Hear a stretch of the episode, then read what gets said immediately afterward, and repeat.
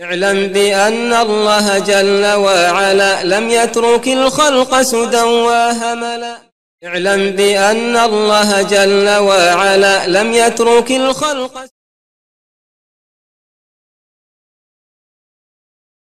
بسم الله الحمد لله الصلاة والسلام على رسول الله استعين بالله لا حول ولا قوة إلا بالله. اللهم لا سهل إلا ما جعلته سهلا وأنت تجعل الحزن إذا شئت سهلا. اللهم أرنا الحق حقا وارزقنا اتباعه وأرنا الباطل باطلا وارزقنا اجتنابه ولا تجعل الحق ملتبسا علينا فنضل. اللهم آت نفوسنا تقواها وزكها أنت خير من زكاها أنت وليها ومولاها برحمتك يا أرحم الراحمين. ربنا لا تزغ قلوبنا بعد إذ هديتنا وهب لنا من لدنك رحمة إنك أنت الوهاب. اللهم اجعلنا هداة المهتدين غير الضالين ولا مضلين. يا أرحم الراحمين. اللهم يسر ولا تعسر. اللهم بارك وتمن بالخير. اللهم أصلح أحوالنا واغفر ذنوبنا. واختم بالصالحات أعمالنا وأعمارنا. لا إله إلا الله ولا حول ولا قوة إلا بالله. ما بعد. Sva hvala i zahvala pripadaju samo Allahu, gospodaru svih svjetova, savršenom. Gospodaru koji jedini zaslužuje da bude obožavan. Salavat i salam na Muhammeda sallallahu aleyhi ve sallame. Najbolje i Allahu najdraže stvorenje kojeg je Allah poslao da poduči vjernike i ljude onome što će im vječno koristiti i što će biti razlog njihove sreće i da upozori na sve što im može štetiti i u helači odvesti. Kao što ćemo to vidjeti u ovom poglavlju, ako Bog da. A zatim, nakon što je šeh u četiri poglavlja detaljno objasnio zabranu, neispravnost, ništavnost, besmislenost, suludost širka, prelazi u narednih nekoliko poglavlja na ono što ipak ljude tjera, navodi, nagoni, biva razlogom da oni ipak taj širk čine. I počinje u ovom prvom poglavlju sa pojašnjenjem uzroka skretanja s pravog puta, prvog skretanja koje se desilo u metu. Od Adema pa na ovamo.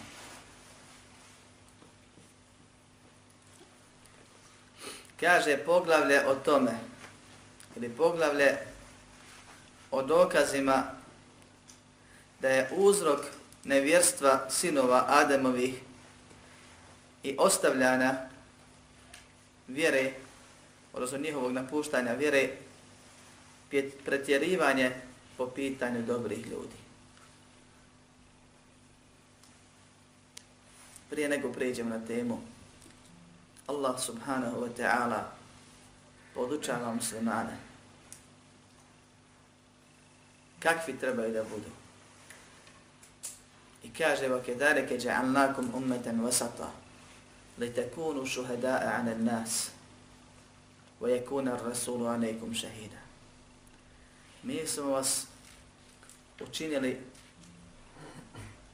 najboljim umetom, umetom, srednjim umetom, umjerenim umetom. Sve to znači riječ vasat. Jer Arapi kad hoće da kažu za nešto da je dobro, ispravno kažu da je vasat i da je nešto što je u sred srede, što bi Bošnja rekao, kažu da je vasat. Pa riječ vasata znači srednji i najbolji put. I Allah je ovaj umet učinio najboljim umetom zato što su u sredini, zato što su umjereni. U odnosu na sve druge zaborde s jedne strane, pa su čak i najumjereniji u odnosu na prethodne umete i šerijete.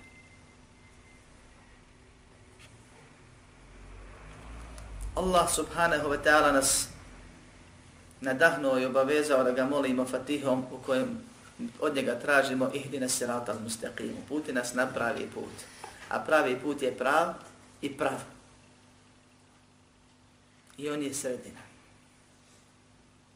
I zato je neko rekao izreku koja je kasnije postala pravilo jer je istina čista.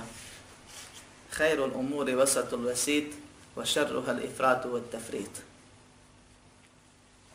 Najbolje stvari su one koje su umjerene, srednje.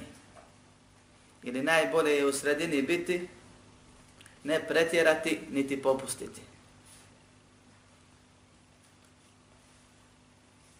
I što je insan po pitanju svog vjerovanja i po pitanju svog života općenito umjereniji, to je ispravniji, sretniji i uspješniji.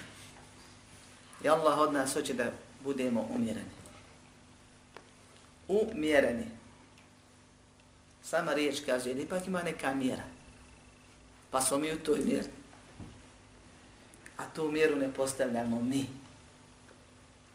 Inače, svako za sebe tvrdi da je u sredini, jer je našao nekog da je gori od njeg po tom što radi i nekog da je blaži, pa za onog kaže da pretjeruje, za ovog drugog da popušta. A mjeru Allah određuje i postavlja. I Allah za ummet, onakav kakav je, kakvim je zadovoljan, ummet Muhammeda sallallahu alaihi ve sellem i njegovih ashaba, njih naziva umjerenim putem. I to je sredina. I to je srednji put. Oni za koje Allah kaže radijallahu anhum radu anhum Allah je njima zadovoljen, oni su zadovoljni njim. A za kog od na, potom njih kaže da je zadovoljan s njima? Samo za jednu skupinu. Kur'an. وَالَّذِينَ تَدَعُوهُمْ بِإِحْسَانِ Oni koji budu slijedili radeći dobra djela. One prvi. Pa je i sa njima zadovoljan. Jer su i oni umireni. Jer su oni produžetak one istine, one sredine do sudnjeg dana. Oni su džemat čiji je ima Muhammed sallallahu aleyhi ve selleme, a džematlija je svaki onaj koji je na tom putu do sudnjeg dana. Ne prekida se. Nije vezan za vrijeme i prostor. Ujedinjen na sunnetu i zajedno su tom velikom džematu. Svako drugo skretanje biva udesno ili ulijano. U obliku pretjerivanja ili popuštanja svako dodavanje na Allahov šerijat, u šerijatu se zove pretjerivanje.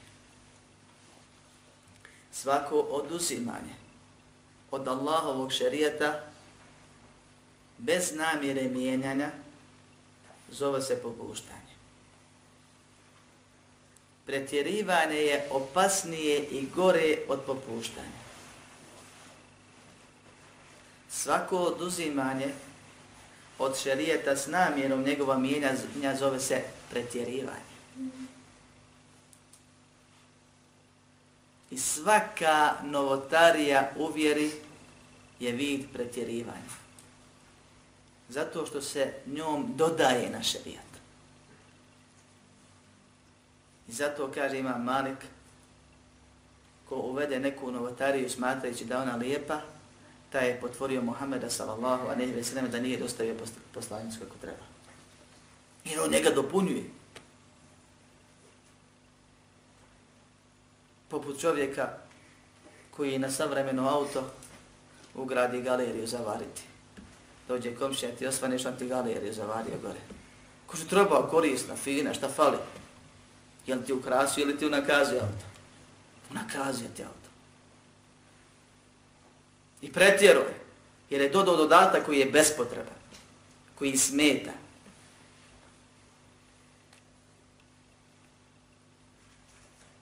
I stavio je sebe, makar oduzeo nešto s ciljem mijenjanja, stavio je sebe na mjesto zakonodavca. Na mjesto onoga koji propisuje propise. Za razliku od onoga koji oduzme i ne dotjera, a osjeća se griješnim. On je popustio Iz ovih razloga pretjerivanja je gore od popuštanja i to je pravilo islama. Prvi put kad sam to čuo prije nekih 17 godina, čini mi se, od jednog našeg daje, bilo mi je totalno nelogično. Pa zar nije bolje uraditi ono što je sigurnije? Nije i ne može biti bolje. Jer ti kad ne dotjeraš, osjećaš se griješnim i težiš ka tome da jednom dana budeš. A ti kad pretjeruješ, osjećaš se boljim od drugih, a u osnovi slijediš novotariju. Radiš nešto što nije propisano. I to je grije samo po sebi. Od koje će se teško pokajati. I pretjerivanje je uzrok prvog skretanja na dunjaluku. I uzrok prvog nevjestva i prvog širka na dunjaluku. I to poseban oblik pretjerivanja. Allah kaže jedno i ljudi to rade i postepeno na govorenu šeitana počinju da dodaju, dodaju, dodaju i kad prijeđu granicu onda već uđu u nešto novo što nije Allahova vjera. Zato kaže šeh poglavlje o tome da je, pre, da je uzrok prvog kufra na zemlji i prvog napuštanja vjere Islama pretjerivanje u pogledu dobrih ljudi. I onda donosi dokaze koji govore općenito protiv pretjerivanja s jedne strane i koji govore o ovoj posebnoj vrsti pretjerivanja. Jer je pretjerivanje razlog kufra, a popuštanje je grije. A svi griješimo. I nije isto raditi i dodavati na ono što je propisano i ne dotjerat sa osjećajem slabosti, krnjavosti, manjkavosti, kajanja i tako dalje.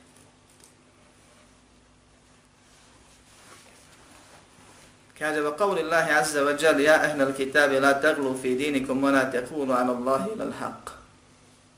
Allah subhanahu wa ta'ala poziva sledbenike knjige i kaže o sledbenici knjige nemojte pretjerivati u svojoj vjeri i ne govorite o Allahu ono što nije istina. Innama al-Mesiha Isa ibn Marijem. Zaista je Mesih, sin Marijemin, Allahu poslanik i tako da ne nastavlja govor o Mesihu. O Isa a.s. Ali obraća se u kuk knjizi Kur'anu. Objavljena Muhammedu sallallahu alaihi ve sallam i tiče se muslimana. Poziva u njoj sljedeninske knjige.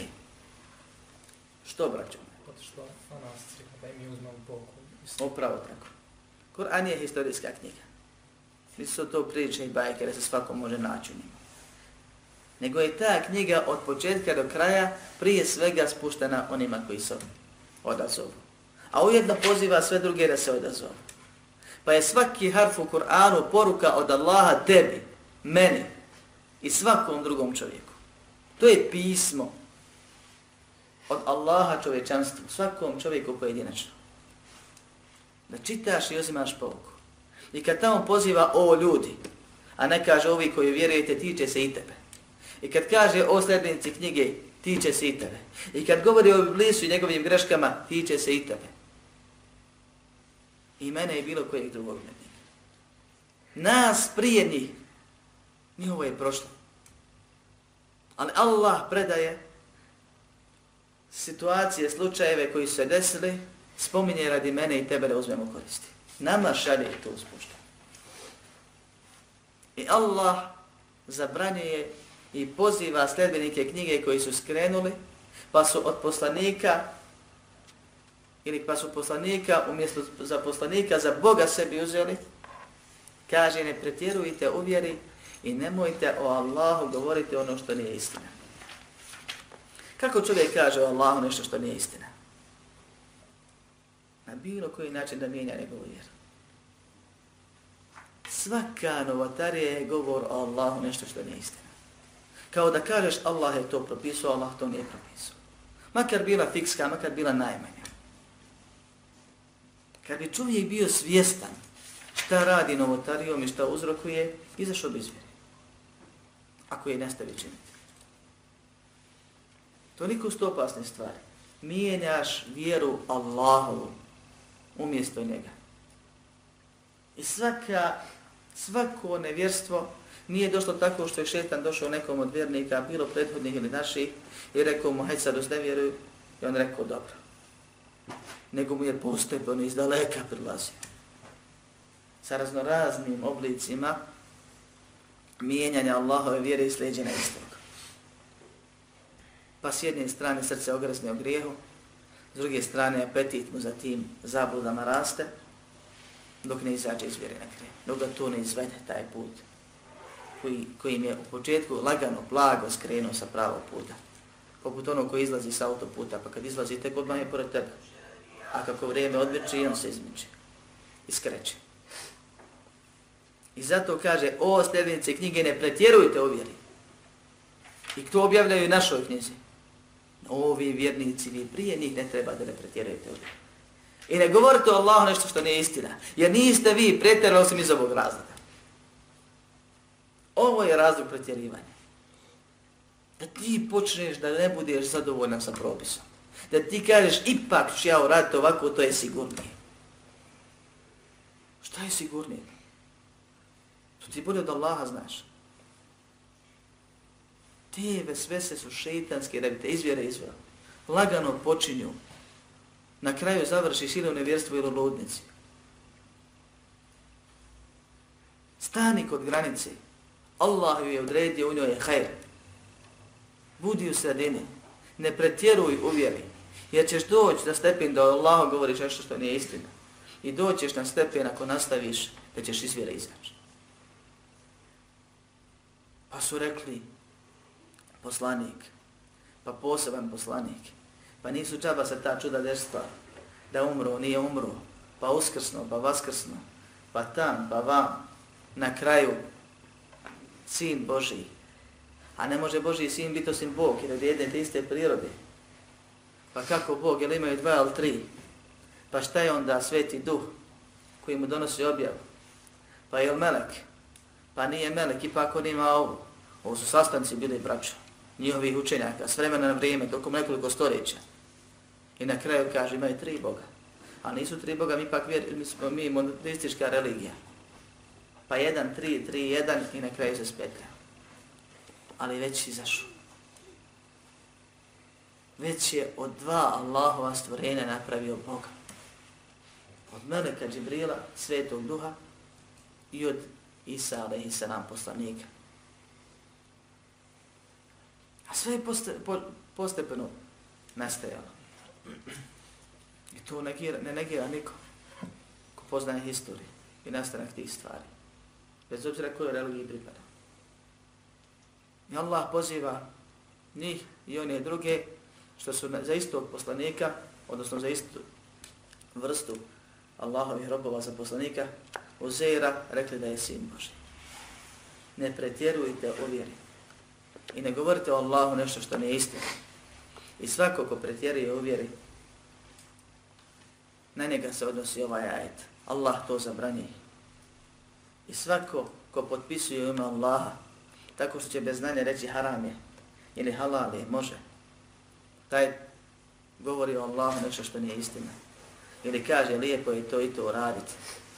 Taj govori Allahu nešto što je istina.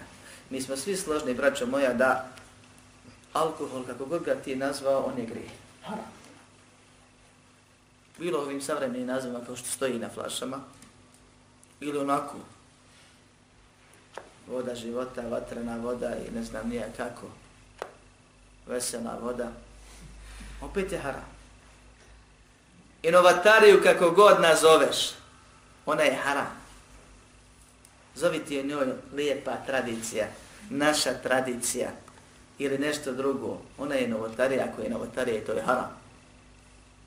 Jer poslanik sallallahu sallam za istu kaže, najgore stvari su novine u vjeri. I svaka novina je novotarija. I svaka novotarija je zabluda i tačka. Zato su sahihu od Ibn Abbas radijallahu anhuma prenosi da je rekao za riječi Allaha subhanahu wa ta'ala wa qalu la tetaranna alihatakum wa la tatarunna waddan wa la suva'an wa la yaguta wa ya'uqa wa nasra. Allah subhanahu wa ta'ala u suri Nuh govori o Nuhovom narodu i njihovom skretanju i kako je Nuh pozivao i kako su mu odbili, kako je 950 godina proveo pozivajući ih u tevhid, da ostave širk, jer je on poslan prvi poslanik koji je poslan narodu koji je promijenio vjeru, koji je prvi puta u historiji čovječanstva izmislio nešto što se zove širk. Počeo da obožava nekoga pored Allaha. Pa kaže u komentaru, kad je on njih pozivao, glavešenje su govorile, nemojte ostavljati svoje bogove. Nemojte, posebno nemojte napuštati Vada i Suva i Jeguta i Jeuka i Nesra, pet njih. Komentariš je ovaj ajet Ibn Abbas i kaže, Je esma'u ređanin salihin min qavmi Nuh.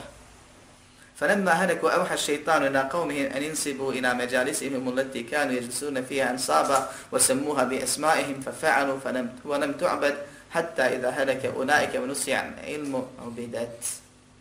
U drugom kaže, predaj kana bejna Adam wa Nuh ašara kurun kulluha ala tevhid.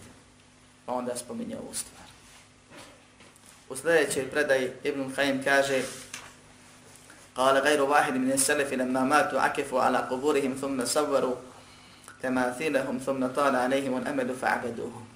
Da ne čitam kasnije, lakše da odmah to, pa ćemo polako to rastaviti tako Bog.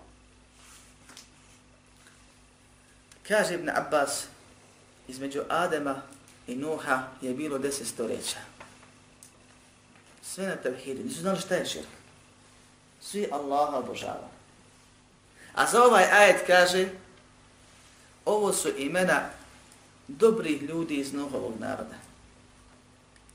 Kaže, koji kad su umrli, šetan je objavio njihovom narodu. Bili pobožnjaci u svom narodu. Primjer drugima u dobro. Što bi mi rekli, je vlije kod nas.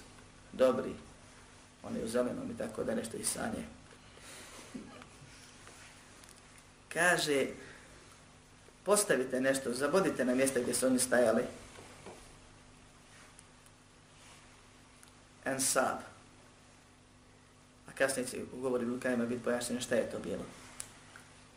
Zatim ih nazovite ta, ta stvar koju ste postavili, nazovite njihovim imenima. Napišite vet, Suva, jehut, Jehuk, nasr, da bi vas posjećali na nje. Pa neka ste se ugledali u njih, pa bi vas to motivisalo da i vi radite više i barete. A sad postavite to, kaže, pa su radili to, volem tu'bed. I nisu tad bilo obožavana ta mjesta i ti ljudi.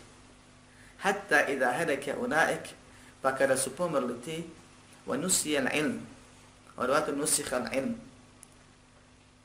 I zaboravljeno je znanje.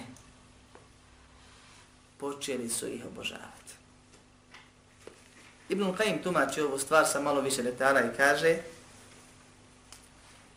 Mnogi od selefa su rekli kada su preselili, prvo su počeli da i tikafe na njihovim kaborovima. Da dolaze na mjesta gdje su oni bili pa se sjećaju njih. Pa ih to motiviše pa onda rade dobra djela. Pa su vremenom došli da dolaze, da uzmaju bereket od tih mjesta. A o bereketu smo pričali. I stvarima. Zatim su, kaže, napravili kipove njihovim likovima, zatim je prošlo jedan duži period, pa su ih počeli obožavati, ne isti ljudi, nego njihovi potomci. Zbir ovih rivajeta koji govorim u stvarima ima ih još nekoliko, dovodi nas do rezultata da znamo kako je to nastalo i šta je bilo. Pet dobrih ljudi posebno su isticalo jednom narodu. I bili primjer drugima u dobro. Preselili. Allah od nas traži da poštujemo dobre ljude. Da im damo pravo. Kad se kaže dobri ljudi, ovdje općenito šeh cilja, misli se na poslanike, vjerovjesnike, učenjake i svake one koji su nas pretekli u dobro. Koji primjer drugima u hajru. Allah od nas traži da ih poštujemo, ali traži od nas u svemu da budemo umjereni. Pa da ih poštujemo onako kako je propisano, nekako mi mislimo da treba. Pa ima poštovanje prema poslanicima, prije svega u vjerovanju njima, pokoravanju, obožavanju Allaha onako kako su oni propisali, za šti, e, braneći njihovu čast, pomažući ih u dobro ako su živi, iskaživanjem poštovanja, onako kako se iskazuje poštovanje od bontona i drugih stvari u prisustvu njima i tako dalje i tako dalje. Kod dobrih ljudi ne moramo ih slijediti osim onome što su pogodile od istine, ali ih poštujemo, dajemo i njihovo pravo, kao što dajemo pravo roditeljima onako kako je propisano, starijima onako kako je propisano, mlađima onako kako je propisano i sve druge stvari onako kako je propisano granici. Suprotno ovoj umjeratnosti postoje dvije vrste zablude. Nazvat ćemo ih opet pretjerivanje i popuštanje, iako ovdje nije popuštanje, nego se radi o ciljanom sprečavanju ili oduzimanju prava. Pretjerivanje da ih dižeš iznad nivoa koji im pripada i to je zabranjeno. Bilo vjerovjesnike, poslanike, vlije, dobre ljude, učenjake, starije, mlađe, roditele, bilo prijatelje i tako dalje. Svakom je Allah dao njegovo pravo i poslanik od nas traži enzinu naseme nazidao. Spusti ljude na njihove stepene. Doslovno prevodim spustite. Jer iako je to stepen iznad tvog, ipak je to nisko. Ima onaj koji je svevišnji, uzvišeni. Ima onaj koga on odabrao od poslanika i vresnika. Ima i ostale koji su na stepenima. U odnosu na nas su na stepenima, a u odnosu na one su ispod. Dajte ljudima njihovo pravo. Imamo one koji, znači, ciljano oduzimaju to pravo. Ne daju. Kažu šta nas briga. Oni su radili sebi, ne tiče se to nas. Ja sam čovjek koji on. Ja imam razum koji on. Ja mogu da kažem šta hoću i tako dalje, da se ponašam kako hoću. I to je također ovid i oblik zablude. I učenjaci su složni da ima nešto što je propisano i da uvijek imaju dva pravca, pretjerivanje i popuštanje potom. Pa i kad je u pitanju poštivanja, onih koji poštovati moramo.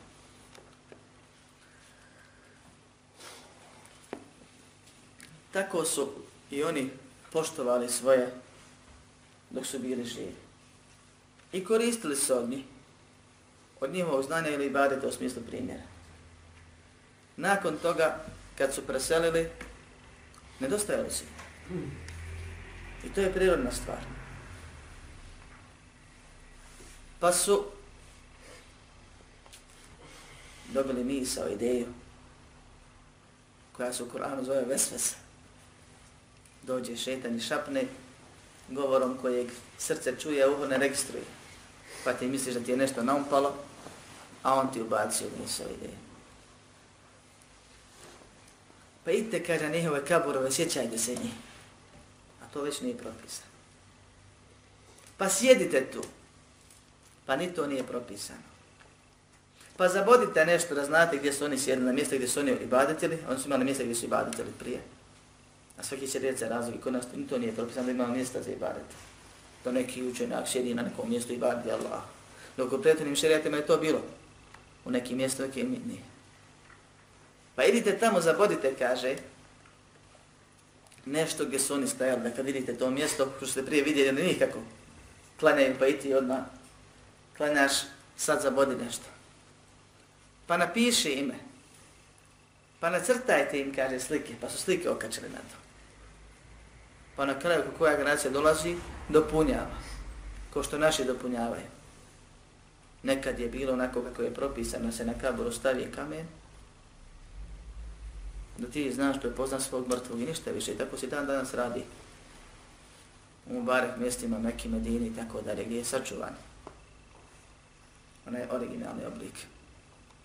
Pa su počeli da taj kamen već spravi u obliku gipsom, da izgleda četvorogao, da bude nešto, ne bude samo kamen. Ipak je to neko tvoje. Pa su počeli da ga povećavaju, pa da na njemu pišu ime i prezime, pa je godinu rođenja, pa i ko je ništa ne podigao, pa je ovo, pa ono, pa da ga uljepšavaju, pa da onda spomenike pravi razno razne, pa mermer, pa on gitaru naprave i svašta nešto drugo. A iznad toga ima još, malo, ako imaju bodi, malo se sazida građevina, pa se pokrije, pa se svjetlo zapali i to zeleno obavezno. Pa neko kasnije dođe i moli ga. Dovu mu čini od njega traži. Ako ne danas, bit će u trećoj generaciji. četvrtoj, petoj. Turbete se širom svijeta obožavaju. Obožavaju ume, u, pored Allaha subhanahu wa ta'ala. A tako su nastali. Isti vam je redoslijedom. I ljudi su uvijek imali sklonost ka pretjerivanju pogledu dobrih ljudi. Do te mjere da jedan istoričar bilježi predaju da je jedan pobožnjak putovao svijetom i došao je na granicu sa Kinom u nekom dalekom muslimanskom mjestu, pa je bio Arab i govorio arapski i pričao im o islamu i spomenuo da je bio na hađu, pa su se plemenske vođe, kaže, sakupili nešto su vijećali i na kraju su skontali da mu se mora počast ukazati. A da je najbolja počast da ga zakolju i da ga zakopaju i da mu turbe naprave pa da im on bude zagovornik od Allaha. Imamo drugih predaja. Također, historijski, gdje čovjek najđe i vidi cuku krepalog i zakopa ga i nakon 10 godina se vrati na isto mjesto vidi turbe. Pa Kaj najde na neki kabor. Pa stari, pa ovako, pa onako, pa ga se zidali, pa ga moli. I još bolnijih stvari ima od toga. Dođe mentalno poremećena osoba, izvrši nuzdu na sred mješćina. Ko što se desilo u jednoj državi i gradu u Šamu.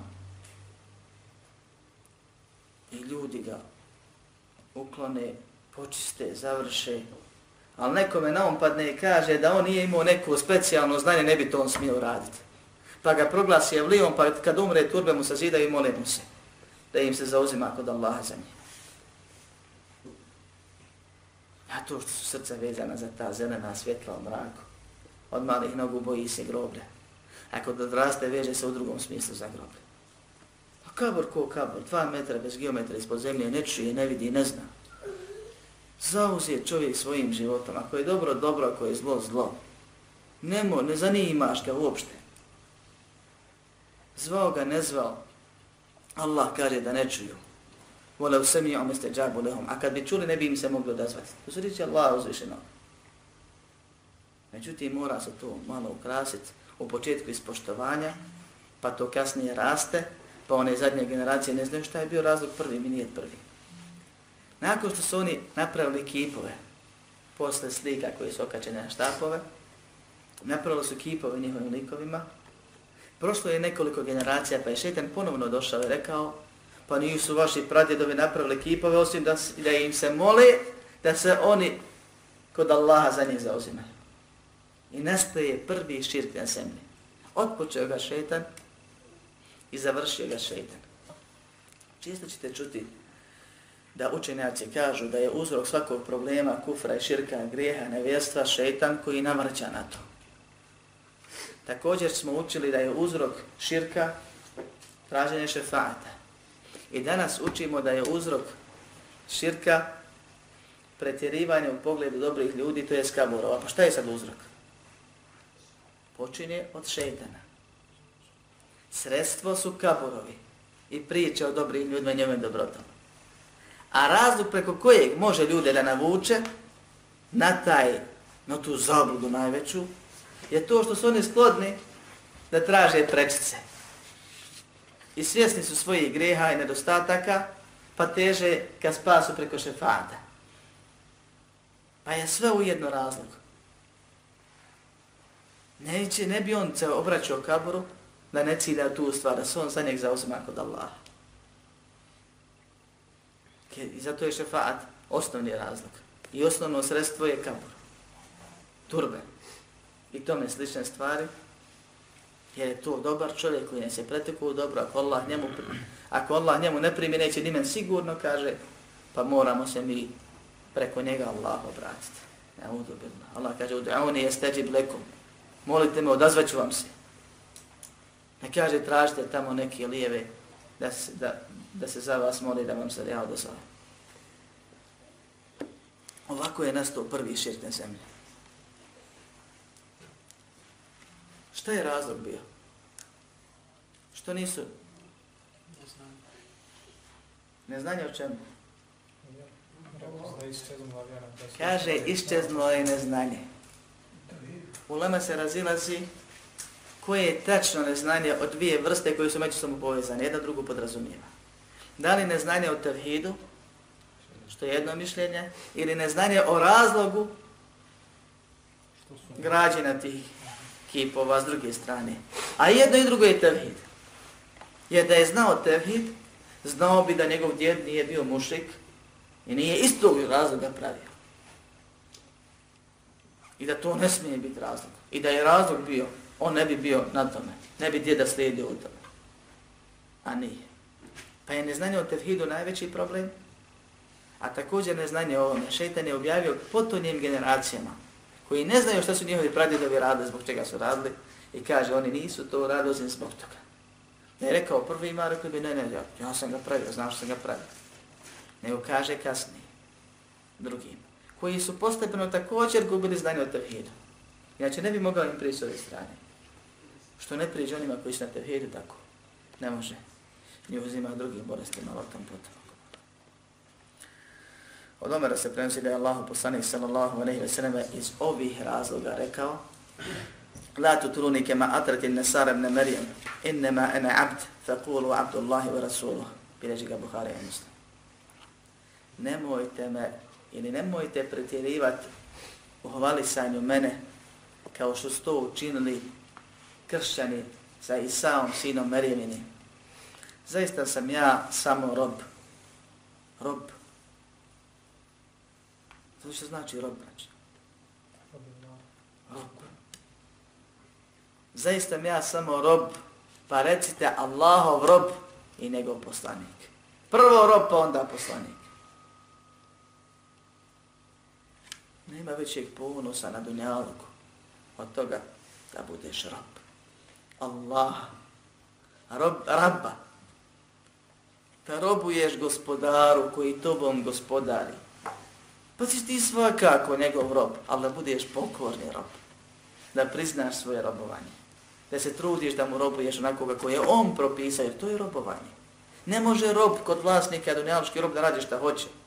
Nego radi što mu se naredi. I u njegovoj je milosti i nemilosti. Ako hoće kažnjava ga, hoće nagradi ga. Nahrani ga. Nema gdje pobjeći. Vrate ga njemu. Kao što robovi ne mogu negdje sa Allahove zemlje pobjeći. Nego se ponovno Allahu, mi smo Allahovi, njemu se vraćamo. Pa pred njim računom polažemo. Pa valjamo robovati. Da bi spašeni bili. I od njeg strahujemo, njemu se nadamo.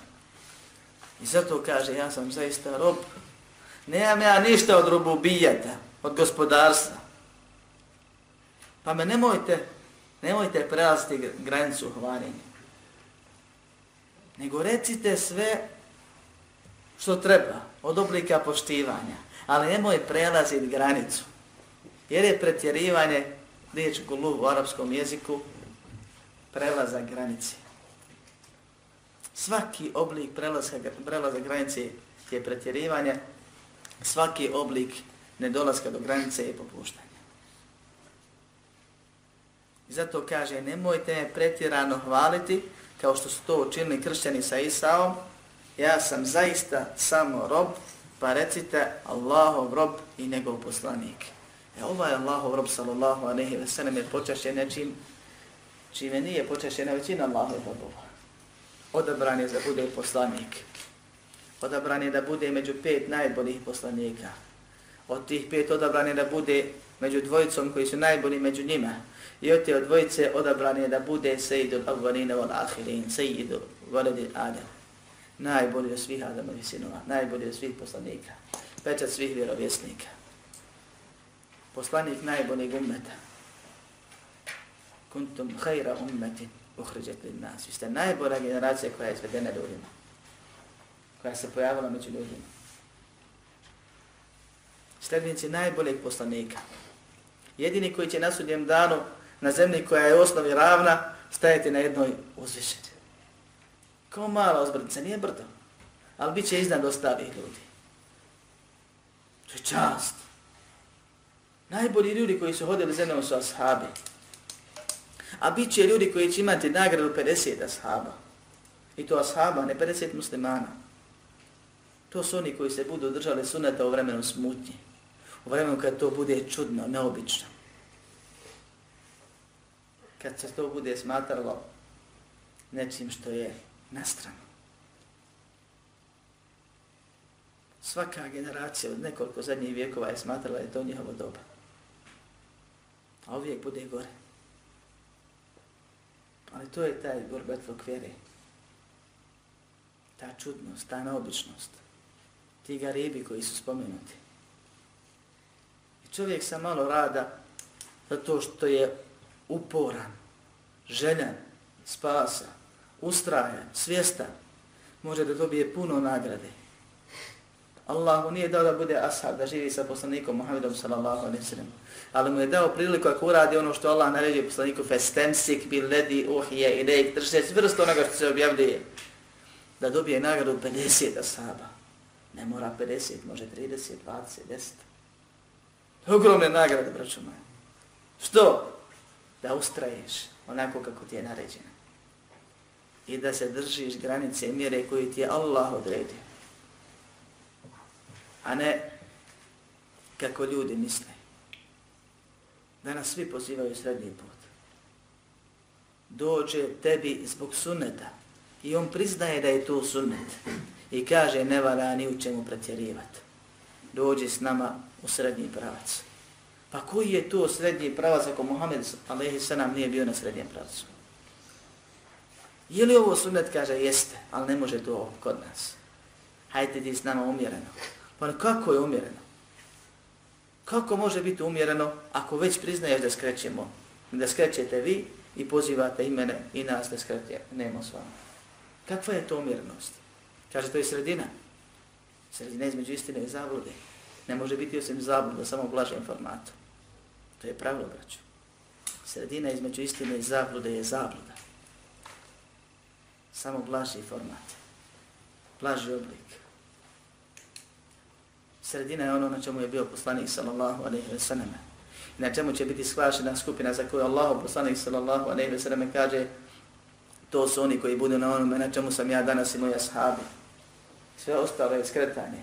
Bilo u lijevo ili u desno, sve jedno je. Nikome od nas ne bi bilo drago da vozeći autoputem izleti u lijevo ili u desno. I sve jedno mu bilo na koju stranu izletio. sletio. a dođu ljudi i kažu nisam ja koni što pretjeruju. A pobjeg ovdje skroz u drugu krajnost. Ovaj kaže ne, ne, nisam ja uzeo vjeru za igru zabavu. Ja to sve radim sa oprezom a otišao skroz u desno. Jer sam sebi propisuje. Propisuje o vjerovanju, propisuje o primjenjivanju i propisuje o pozivanju. Pa kaže, probali smo ovako, ne ide, sad moramo drugačije. Prvo nisi smio da probaš, na nama je da primjenimo, da naučimo ispravno da se držimo toga. Drugo, nisi ti taj koji određuje može ili ne može. Allah nas nije obavezao rezultatima, nije nas obavezao da stignemo do kraja puta, nego da umremo na putu. Da budemo na putu i da drugi na taj put pozivamo, onako kako je propisano. I tako da nema tu, ne može, ne ide, šta ne ide? Ako si na putu, ide ti. Ako Allah htjede dovesti još nekoga, ne htjede tebe ne briga. 950 godina Nuh poziva.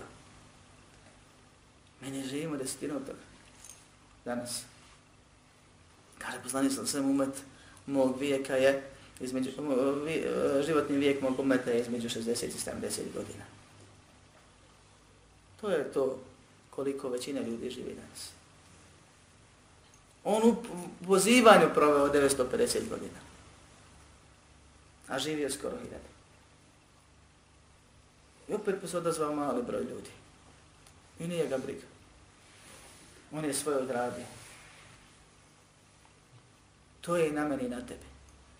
Da nikog pa ni poslanika sallallahu alaihi ve selleme pretjerano ne hvalimo. I ovaj hadis poslanik sallallahu aleyhi spominje da upozori na pretjerano hvalenje. A kad ne možemo poslanika i ne smijemo, onda ono ispod njega svakako nekoga ne smije. Podrazumijeva se. I dođu ljudi, isti ovaj hadis dokazuju za grozne stvari stvari koje kad insan čita, dođe mu da pogađa. Napiše spjev, kasidu, hvaleći poslanika Muhammeda sallallahu alaihi sallam. Drži predavanje hvali Muhammeda sallallahu alaihi sallam. Pa kaže da je on zna šta stoji u lehvin mahfuzu i šta je Kalemika zapisao i da su i Dunjaluk i Ahire zbog njegove dobrote nastali i da je Allah sve zbog njega stvorio i da on radi i da on presuđuje i da on prašta i tako dalje i tako dalje.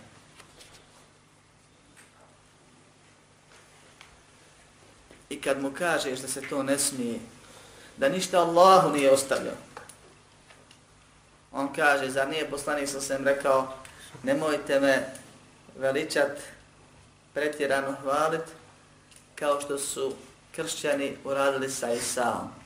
Upravo to je rekao. Kaže, ja nisam za njega rekao da je Bog ili sin Boži. I napišu pravilo, reci šta hoćeš od pohvala Muhammedu sallallahu aleyhi ve sallame, samo je nemoj reći ono što su rekli kršćani, Bog je sin je Boži. Tako razumijeli ovaj hadis. I oni godi tako razumijevanje, ne da ne znaju. Allah u Kur'anu spominje. Poslanik se sam nastavlja dalje i kaže, ja sam zaista rob, pa me nemoj mi rab, rabove osobine pripisivati. Nego reći Allahov rob i poslanik, ali taj drugi dio nije zanimljiv, nego ne ide u korist, pa se on nime i ne dokazuje. Poslanik sallallahu alaihi ve sallame na hađu hoće da baca džemreta gađa kamenčićima. džemreta ne šeitana. Da se simbolično odrekne šeitana. I traži da mu se donesu kamenice malo veće od zrna graha. I uzme ih i pokaže sahabima. I kaže ovakve bacajte i čuvajte se pretjerivanja ovjeri. Ovakvo bacajte i čuvajte se pretjerivanja. Uzmeš veći kamen, s istim ciljem ti već pretjeruješ u vjeri. A kako je tek u drugim propisima? Kako je tek u vjerovanju? Nemoj mijenjati, nemoj dodavati. Zadovolji se. Zastani na granici. Kaže i jako mol gulub. Dobro se pazite pretjerivanja. Fa innema ehneke men kane qablakum al gulub. Zaista je, kaže, u helać odvale, odvela. Ehleke. Upropastilo. Od, od, od te riječi je naša riječ helać. Helak, propast na arapskom. Nemoj, dobro se čuvajte pretjerivanja uvjeri. Jer je pretjerivanje uvel, uvjeri u propast odvelo one prije vas koji su propašteni. Ovdje poslanik sa svem kaže da je svaki vid pretjerivanja vodi u propast. I da je svako koji je skrenuo, skrenuo zato što je pretjerivao. Zato što je mijenjao. I to je što se tiče pretjerivanja, to je dodavanje na ono što je propisano. Poslanik sallallahu alejhi ve sellem se nije zaustavio kod ove granice. Nego nas upozorava na nešto što je ispod toga. A vid je pretjerivanje, njegova vrsta. Pa kaže helekel mutanatti'una, helekel mutanatti'una, helekel mutanatti'una, bileži ga muslim. Propale su cijepidlake, propale su cijepidlake. U helač su otišle cijepidlake ili otiće. Ko su cijepidlake?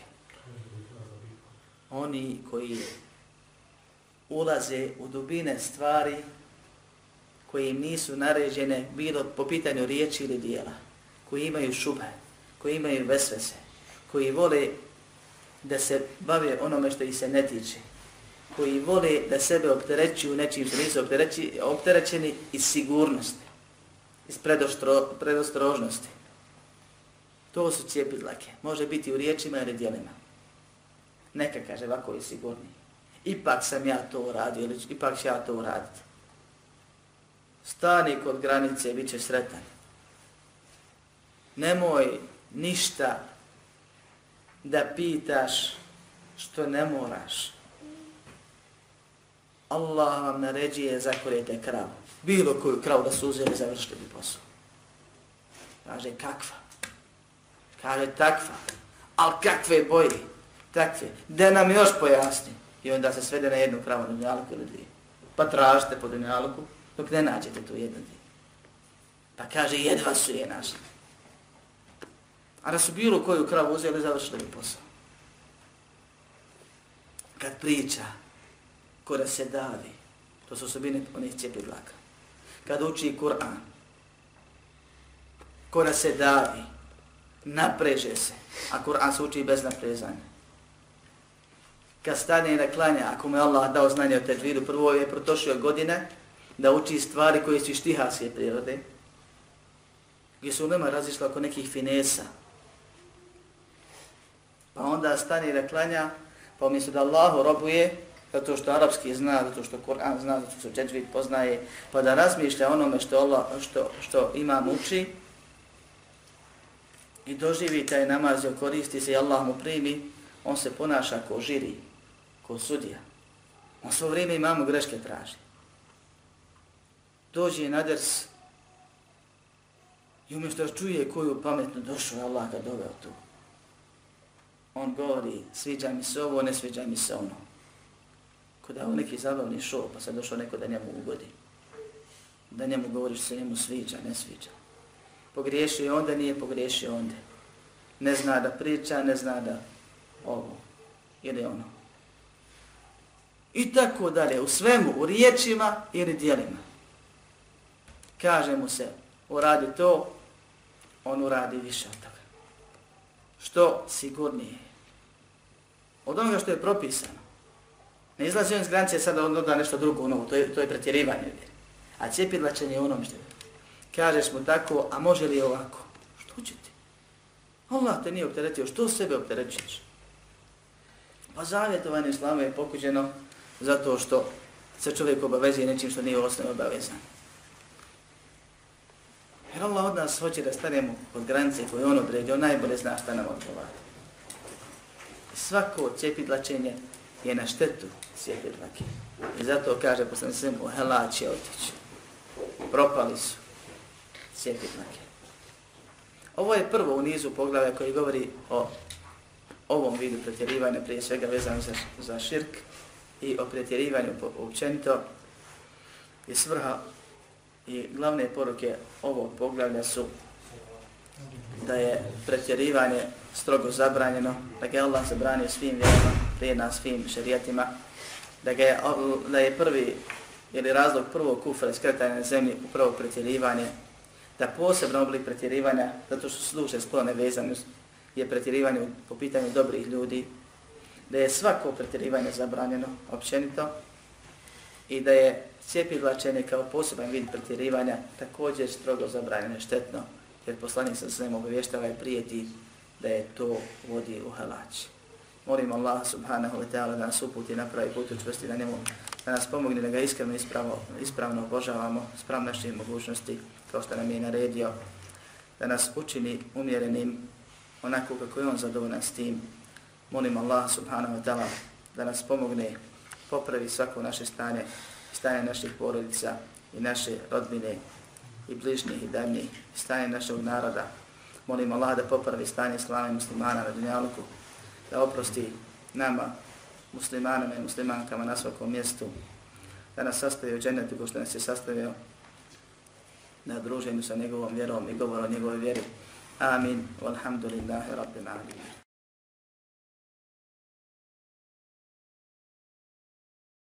اعلم بأن الله جل وعلا لم يترك الخلق سدى وهملا اعلم بأن الله جل وعلا لم يترك الخلق